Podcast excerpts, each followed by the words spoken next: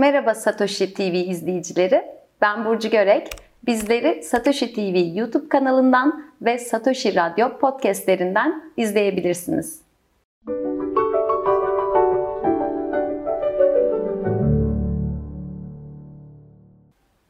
Bugünkü konuğum sevgili hocam, oyuncu, yönetmen, yazar Tamer Levent.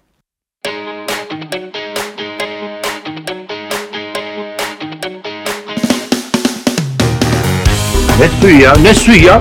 Su çıkan buradan.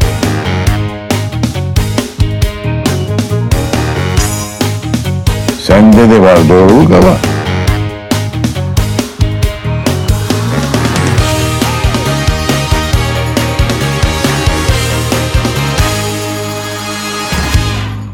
Hoş geldiniz hocam. Hoş bulduk, hoş bulduk. Nasılsınız? Satoshi TV'ye hoş bulduk. Yani. Süper. Ee, Biz de sizi görünce çok hoşlandık bu durumdan. Şimdi birçok sanat alanında çalışıyorsunuz. Daha öncesinde devlet tiyatrolarında seçilerek Genel müdür oldum. genel müdür olmuştunuz. Sanat alanında yeni yöneticilik de yaptınız. Oynuyorsunuz. Aynı zamanda bizim de oyunlarımızı ve birçok oyunu yönettiniz ve yazıyorsunuz. Bütün bunları nasıl bir arada topluyorsunuz? Nasıl yetişebiliyorsunuz? Şimdi bizde ne iş yapıyorsun diye soruyorsun mesela birisine. Sanatçıyım diyor. Öyle sanatçı sanki böyle bir anlam çıkıyor ki buradan. Sanatçı diye bir meslek varmış gibi. Sanatçı diye bir meslek yok.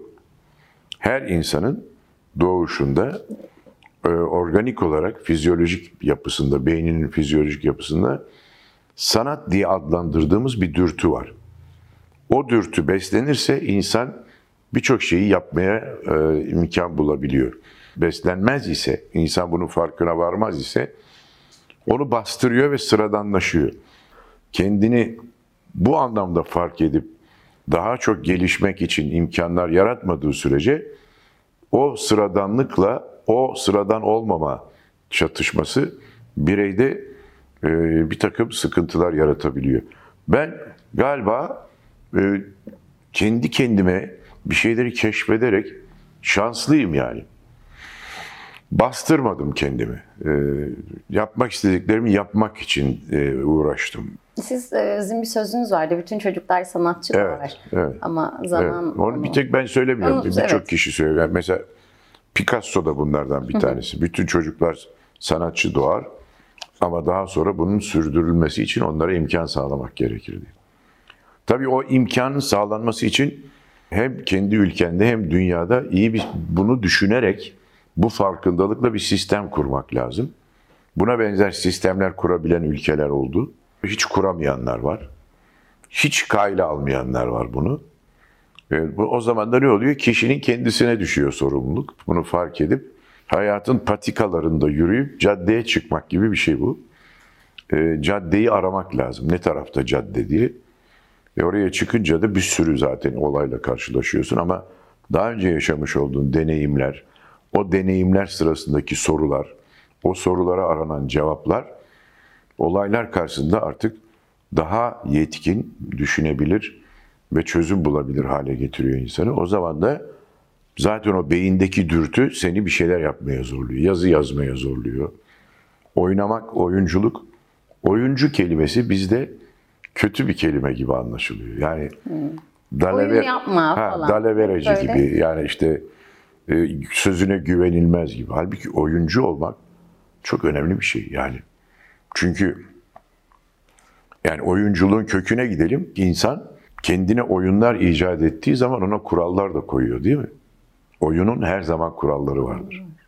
Yani oyuncu hem bu kuralları bilen hem de becerilerini geliştirebilen insandır. Onun için bireyin kendisine ne iş yapıyorsun diye sorulduğunda eğer oyunculuk yapıyorsa, oyuncuyum demekten utanıp kendisine sanatçı diyorsa oyunculuk ne demektir onu anlamadığını ortaya çıkarmış oluyor. Oyunculuk olağanüstü bir iştir. Ve bunu hani Shakespeare'in de dediği gibi bütün dünya bir oyun sahnesi, bütün insanlar e, bu sahnedeki kadın ve erkekler oyuncular diye. Ha o oyuncuların da tiyatro oyuncusu kadar yaşadıkları hayatın farkına varmaları söz konusu olsa işte o zaman yaşam sanata evet olacak.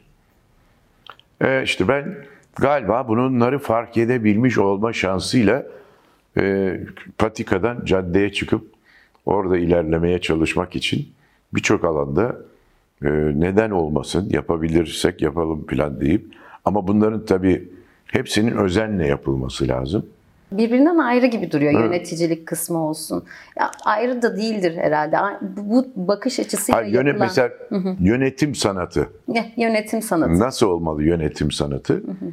Bizde şöyle bir kafa var. Bir yerin başına geçmek müthiş bir hırs. E peki geçtin, peki şimdi ne yapacaksın? İtibar kazanacaksın, kariyerin artacak. Peki orayı yönetebilecek misin? Yani orayı yönetebilmek için nasıl düşünmen lazım? İşte o düşünce sistemini oluşturduğun zaman orayı yönetme biçimin ürün olur. Yani düşünce ürünü yaratır. O halde bizim fikir üretebilecek bir şekilde kendimizi geliştirmemiz lazım. Evet ve sizin bu sanata evet, Evet. e, girişiminiz, oluşumunuz bunu destekleyecek bir şey. Tamamen bu. Tamamen bu. Çünkü, Çünkü, sanata hayır demiyoruz değil mi? ha tabii şimdi mesela sanat evet denince artık bu denilmiyor. Değil mi? birileri birileri şey diyorlardı. Şimdi bizde şöyle bir şey vardı. Zekavet vardır, zekavet. O kadar zekiyiz ki bilgisi olmadan fikri olmak diye bir şey bir laf var. İşte o zekavet oluyor. Şimdi bu durumda bu zekavetle habere insanlar birinin açığını arar. filan yapar. Ama sanata hayır diyen mi var filan yapar. Yok değil mi? Sanata hayır diyen yok. Yani sözde yok Evet. ama Bir kere uygulamada kültürü yok. Sanatın kelime anlamını anlamış değiliz. Kelime anlamının karşılığının eşittir resim, heykel, tiyatro, müzik, mimarlık olduğunu zannediyor. Ancak bunu yapanlar sanatla ilgilenebilir değil mi? Bunu yapmayanların sanatla hiç bilgisi olmaz. Böyle klişe bir kafa olabilir mi? Ama biz buralarda dolaşıyoruz hala. Sanatın toplumsal yaşamdaki dönüşümü, etkileri, düşünce geliştirmesi, bir bireylerin birbirleriyle problem yaratmak değil, problem çözecek iletişim içerisinde olmasıdır sanat. ve bunu da etik, estetik, adalet Evet. kavramlarına Bunun da kriterleri vardır. Yani Aristo iyi, güzel, doğru demiş. Sonra Hegel onu lojikleştirmiş, etik, estetik, adalet demiş. O kadar toz pembe mi abi filan diyebilir birileri. Hayır bunun karşılığı da kötü, çirkin, yanlış. Nedir kötü olan? Nedir çirkin olan? Nedir yanlış olan? E canım o kişiye göre değişir filan mı diyeceğiz? Yok öyle bir şey. O kişiye göre değişir dediği zaman bu abajura da abajur demememiz lazım.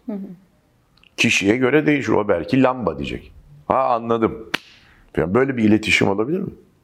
Kavramların ve o kavramların isimlerinin ta ilk insandan bugüne kadar süzülerek gelmiş anlamları bize anahtar görevi görüyor değil mi? Yaşama bakış açısı sağlıyor. Onun için sanata evet diyoruz.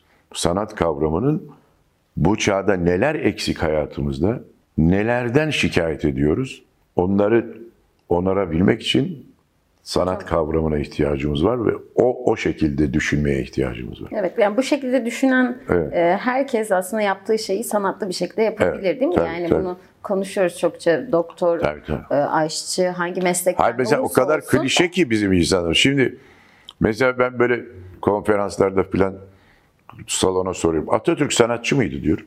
Çıt yok. Bugüne kadar kafalarındaki sanatçı kavramıyla Atatürk'ü yan yana getiremiyor. İşte Doktor Bernard ilk kalp naklini yapan adam. Sanatçı mıydı diyor.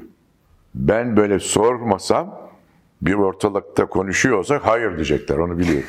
Kesinlikle hayır. Doktor adam ya filan diyecekler.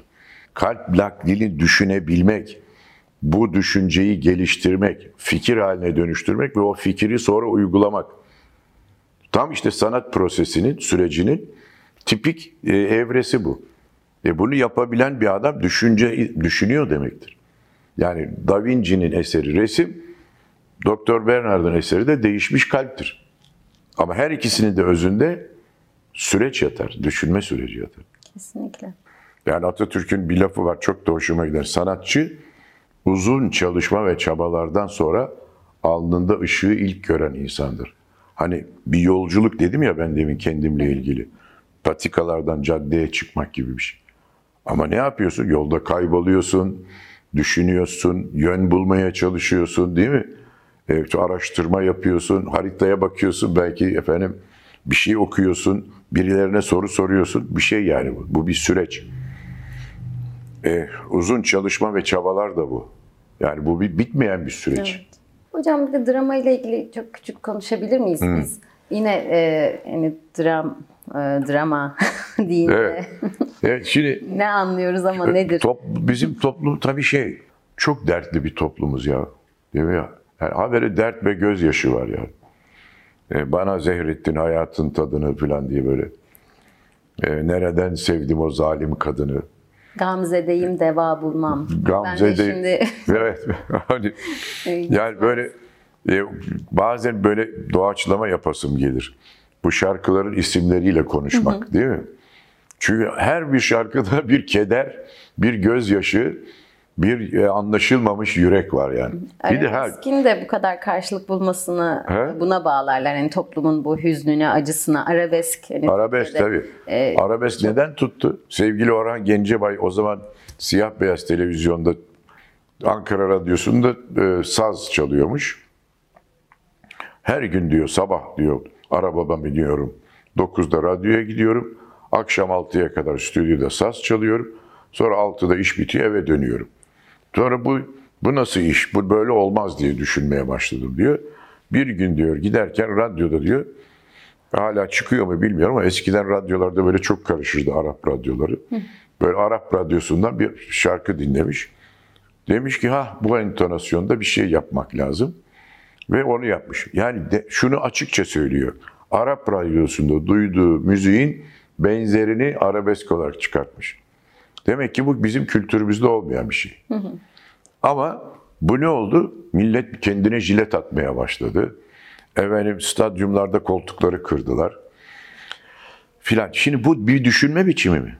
Yani bu e, düşünme biçimi derken bu da bir düşünme biçimi belki ama ben bunun negatif yani iyi, güzel, doğrunun karşıtı olduğunu düşünüyorum. Kötü, çirkin, yanlış var burada. Çünkü insanlara çözüm bul, hayatta taleplerin olsun ve kendine yol ara demek yerine hiçbir yol yok kardeşim. Hayat e, sana bitmiştir diye. O zaman adam çıldırıyor tabii. kederden Ve adamın çıldırmasını da biz böyle gülerek izliyoruz karşıda. Dramada şimdi bu çerçevede baktığımız zaman dram kelimesi durum demek. Ama biz acıklı bir toplum olduğumuz için dramı da acıklı olarak anlamışız.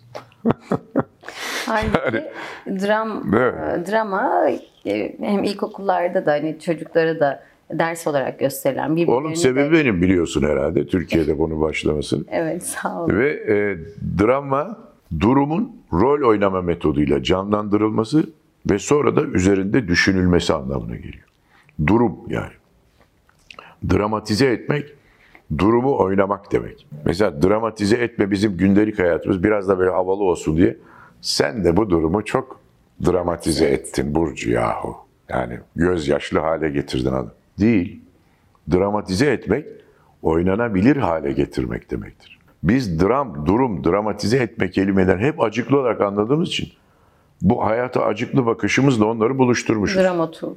Dramaturg da acıklılık e, mesleği herhalde değil mi? ne haber ve ağlayan birisi. Bu ne iş yapıyorsun? Ya ben dramaturgum abi diyor. Ağlıyor adam. diyor. ya dramaturg durum çözümleyici demek değil mi? Durum çözümleyici kişi demek. Ben ona durumolog diyorum mesela. Bazen öyle gırgırına ama tam böyle bir Türkçe karşıtlık oluyor. Yani e, var diye bir Türk Dil Kurumu'nun bazı böyle komik gibi görünen çözümleri. Bu, bu o kadar komik bile değil yani. Rönesans geçirmiş toplumlar Latince kökenli olan dram kelimesini durum olarak anladıkları için durumlara sanatsal çözüm bulmaya çalışırlar. Bu bir kültür haline gelmiştir 600 yılda. Rol oynama metoduyla durum canlandırılması bir durumun çeşitli şekillerde oynanma imkanı da vererek bize esasında düşünme biçimi imkanı yaratıyor. Hocam şimdi Foucault da yaşamda sanatı e, söylemiş bir insan. Yani ve Evet. e, insanın da bu e, yaşamdaki sanatı bir icracısı olarak düşündüğümüzde Evet. biz sanatın kendisi olarak Heh. insanı kabul edebilir miyiz? Çok güzel bir şey. Yani Foucault esasında bunu demek istiyor. Yani diyor ki sanat diye bir kavram varsa hayatta ve sanat düşüncesi bir ürün yaratmaya, bir fikir yaratarak onu ürüne dönüştürmeye yönelik bir düşün. Ki Schelling var, Alman 16 17. yüzyıl filozofu o sanatı teori ve pratiğin birlikte gerçekleştirilmesi olarak tarif ediyor. Batı felsefesindekiler bunları biliyorlar. Bizde de bunları söyleyen insanlar var. Fatih Sultan Mehmet var, İbn Sina var, İbn Haldun var. Ama biz bunları o kadar iyi bilmiyoruz mesela değil mi? Ne diyor bu Foucault? Bunun dünyada yaratılmış en mükemmel ürün, sanat eseri insandır diyor sonuç olarak. Değil mi? İnsan. Şimdi yapay zekayı yaparken bu beş duyu organı artı altıncı duyu yani bunların sentezinin yapıldığı yer artık bunların hiçbirisi mistik değil yani. Bunların hepsi nesnel ortaya döküldü neuroscience'la. Bunlar başka bir insanda ürüne de ürüne dönüşüyor. Yani yaşamı da dönüştürebiliyor. Dolayısıyla insan çok önemli bir e, varlık demek istiyor. Ve de Brecht de buna benzer bir laf kullanıyor vakti zamanında. Diyor ki sanatların en yücesi yaşama sanatıdır diyor. Bunu kim gerçekleştirecek? İnsan gerçekleştirecek. Ama biz hala bir kavram üzerinde konuşmaya başladığımızda başlangıçtaki konuşma ve geliştirme biçimimizi unutup başka dallara dalıyoruz. Konu dağılıyor ve hiçbir şey üretemeden çekip gidiyoruz. Tabii bu sanat kavramını benim dediğim gibi anlamaya başlarsa insanlar yani ta Aristo'dan itibaren günümüze gelinceye kadar bütün e, batılı ve de Orta Doğulu ya da işte bu, bu tarafın, dünyanın bu tarafı ve o tarafındaki filozofların sanat kavramına yaklaşımlarında bizim anladığımız gibi sadece resim, heykel, tiyatro, müzik, mimarlık üzerinden değil, yaşam üzerinden baktıklarını göreceksiniz. Çünkü o insanın sanat eseri olması, insanın o öyle bir merkez hareket noktası olmasından yola çıkıyor sanat kavramı çünkü. Bir iki böyle soru var. Tiyatroya ne kadar aşıksınız diye. Aşık olduğunuzu düşünüyor musunuz? Bilmem. Mesela ayda kaç oyun izleme fırsatınız oluyor? Bu ara hiç oyun izleme fırsatım oluyor. Ama mesela oyun yönetiyorum, oyun Ee, yazıyorum. her gün her gün aslında prova. Hemen hemen her gün e, dizi çekiyorum. Mesela drama. Drama olunca dizinin ve tiyatronun özü dram. Yani acıklı. Ağlıyoruz ya her gün. İşte o. Ben her gün drama ile uğraşıyorum. Peki e, zaten çok merak ettiğiniz bir oyunu görmek için yurt dışına e, ve her yere gittiğiniz E, tabii oluyordur ki. tabii ki. Mesela elinizde 50 liranız olsa bir oyun görmek istiyorsunuz. Yemeği mi tercih edersiniz, oyunu izlemeyi mi tercih edersiniz? Mesela Valla bunu önünde. yanlış kişiye soruyorsun. Yani ben bu işin içindeyim. Yani bu Evet. işin mutfağındayım. Yani bu işin mutfağı, bunu şeye sor. Ee, tiyatro kültürü konusunda bu kadar kafa patlatmamış bir vatandaşa sorsan daha iyi olur. Kesinlikle Çünkü bana sorduğun zaman olmuyor. ben hiç tiyatro izlemiyor diyebilirim. Ya da tiyatro izleyeceğime yemek yemeyi tercih edebilirim diyelim. Çünkü zaten tiyatro ile uğraşıyorum. Peki hocam birkaç tane böyle e, afiş göstersem size hani hangi oyunlardır böyle üstüne e, konuşsak. Evet. Siz gerçi vaktiniz oldu mu? Bu oyunu izleyebilmiş miydiniz son? Toz değil mi? Evet, Toz Hocam. E, bu da yeni bir müzikal. İngiltere'de yazıldı. Zaten şeyden anlayabilirsiniz kadının. Evet, evet. Şey, Tina, Tina, Turner. pardon. 2018'de yazılmış. Evet, Tina Hocam Turner. çok da böyle güzel sahnelenmiş bir oyun. Bir de şunu analım istedim. Aa, Kral Lear. Sizin de bir uyarlamasını yaptığınız. Ben şey yap, bu Haluk bu Haluk'un oynadığı Kral Lear. Bu şey Cüneyt Gökçer'in. Aa Cüneyt Hoca mı? Buradan uzaktan gelen tabii. Böyle. Benim konservatuvar bitirme parçam mesela. Gayret bir şey. Kral değil mi? Ha, bitirme değil, orta son. Ama Kral Lear'ı oynamadım ben. Kral Lear'ı başka bir arkadaş oynattım. Ben oradaki soytarıyı oynadım. Herkes şey dedi yani nasıl böyle bir şey? Esas sen Kral Lear'ı oynaman lazım. Çünkü daha Kral Lear gibi görünüyorum onlara göre ama böyle ters köşeler yapmayı severim ben. Yani çok önemli buluyorum çünkü Kral Lear'daki soytarıyı. Clown. Bir de hocam bir oyun var. Çok da güzel içinde replikleri var ama neyin var senin diyor. Ragon da diyor ki bedbahım. Demir atma. Ne zamandan beri? Ragon unutmuşum. Beklesin bakalım o zaman. Unuta unuta beklesin. Ne bekliyorsa. Bir gün gelir. Oyunun adını bilmiyorum gördüğün gibi. hocam ya. Oyundan haberim yok. Hiç duymadım ama Gerçekten. beklemek, bekleye bekleye belki bir gün Bu bekleyen derviş muradına ermiş. Kesinlikle. Bir de hocam şimdi e, sizin kitaplarınız da var. Hem de onların da imza günlerine gidiyorsunuz. Şehir şehir dolaşıyorsunuz. Ee, Bir sanata evet kitabı. Onun dışında oyunlarınız var. Bunlarla ilgili yani sanata evet kitabını bu anlattıklarınızı da içeren birçok e, bilgiye bir sahip. kitabım mesele. vardı yani e, Niçin Tiyatro diye 1983 ve 93 yılları arasında yani bir sürü dergide yazılmış çok fazla yazı vardı. O zaman Ankara'da Gündoğan Yayınları diye bir yayın evi vardı. O yayın evi oradan bazı yazıları seçme olarak kitap yapmak istedi. Yaptı. Ve 1993 yılında yayınlandı o. Bu yıl içinde herhalde, evet bu yıl içindeydi. Art Shop e, yayın evi o kitabı yeniden basmak istedi. Ben de dedim ki ben o 83-93 arasında sanat kavramı konusunda bugünkü kadar netleşmemiştim. Dedim ki ben o kitabı bir daha okuyayım, yazıları, seçilmiş olan yazıları ve ona uzun bir ön söz yazayım dedim. O zaman kitabın adı şey oldu. Niçin tiyatrodan sanata evete? Yani bir yolculuk gibi 20-25 sayfalık bir ön söz yazdım ona. Ön söz bu kadar ön söz olur mu diye düşüneceksin belki ama e, o kitap ikinci defada basıldı herhalde. Bir çabuk bitti birinci baskısı. Sonra yayıncının da bir önerisi oldu. Ben hep insanların düşündürmeye sevk etmek istiyorum. Ve tabii öbür kitaplarım şeyler var işte. Oyunlar var bir sürü. işte yine böyle başka bir kitap var. Ee, insanlığı nasıl bir gelecek bekliyor diye. O da e, 2000 sonrası yazılarımdan derlenmiş. Yani hepsi değil de bazılarını ele alan bir yazılardan bir tanesinin ismi de bu zaten. İnsanlığı nasıl bir gelecek bekliyor diye. Ha bir oyunum var. Fransızcaya çevrildi ve basıldı. Larmatan yayın evinde.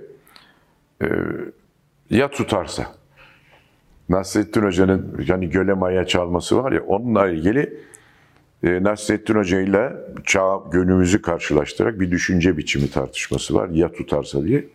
Bu devam edecek. Birincisi çıktı. 2, 3, 4, 6 tane olacak herhalde. Aslında yaptığınız, yönettiğiniz oyunlarda da bir bu insanları Onu harekete geçirmek, evet. dürtmek. Tiyatronun, dramanın varoluş nedeni bu zaten. Onları da Yani- işin içine katma Tabii, eğiliminde evet, bir yaklaşımla evet, yönetiyorsunuz. Evet, evet. Drama da, drama çünkü ilk insanın mesela hiç konuşmayı falan bilmediği bir dönemde hem cinslerine bir şey anlatmak istediğinde kullandığı tek dil drama.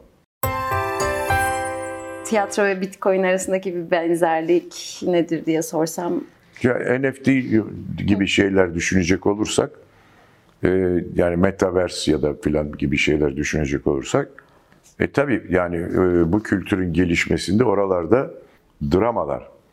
Tiyatro biliyorsun seyir yeri demek tiyatro. Yani tiyatron. tiyatrondan geliyor. Yani ben gene bunu bunu bilmediğim zamanlar Moskova'da Bolşoy tiyatrosu e, denildiğinde böyle Allah Allah baleye de tiyatro diyor bunlar demiştim. O hamlık içerisinde. Halbuki tiyatrodan kastı seyir yeri. Operaya opera diyoruz biz şimdi. O niye o kalkıyor Bolşoy tiyatrosu diyor. Bu Ruslar bu işi bilmiyorlar canım. Tiyatrodan kastı seyir yeri anlamına geliyor. Tiyatroda ne seyrediliyor? Drama seyrediliyor. Bu durumda bizim de yani e, hayatın her alanında durumları düşünebilir hale gelmemiz için onları izleyiciyle buluşturmamız söz konusuysa bunu NFT'de de e, Metaverse'te de yapabiliriz diye düşünüyorum. Ha bunun Bitcoin tarafı kaça alınır, kaça satılır onu bunu yapacak işletmeciler söylesin.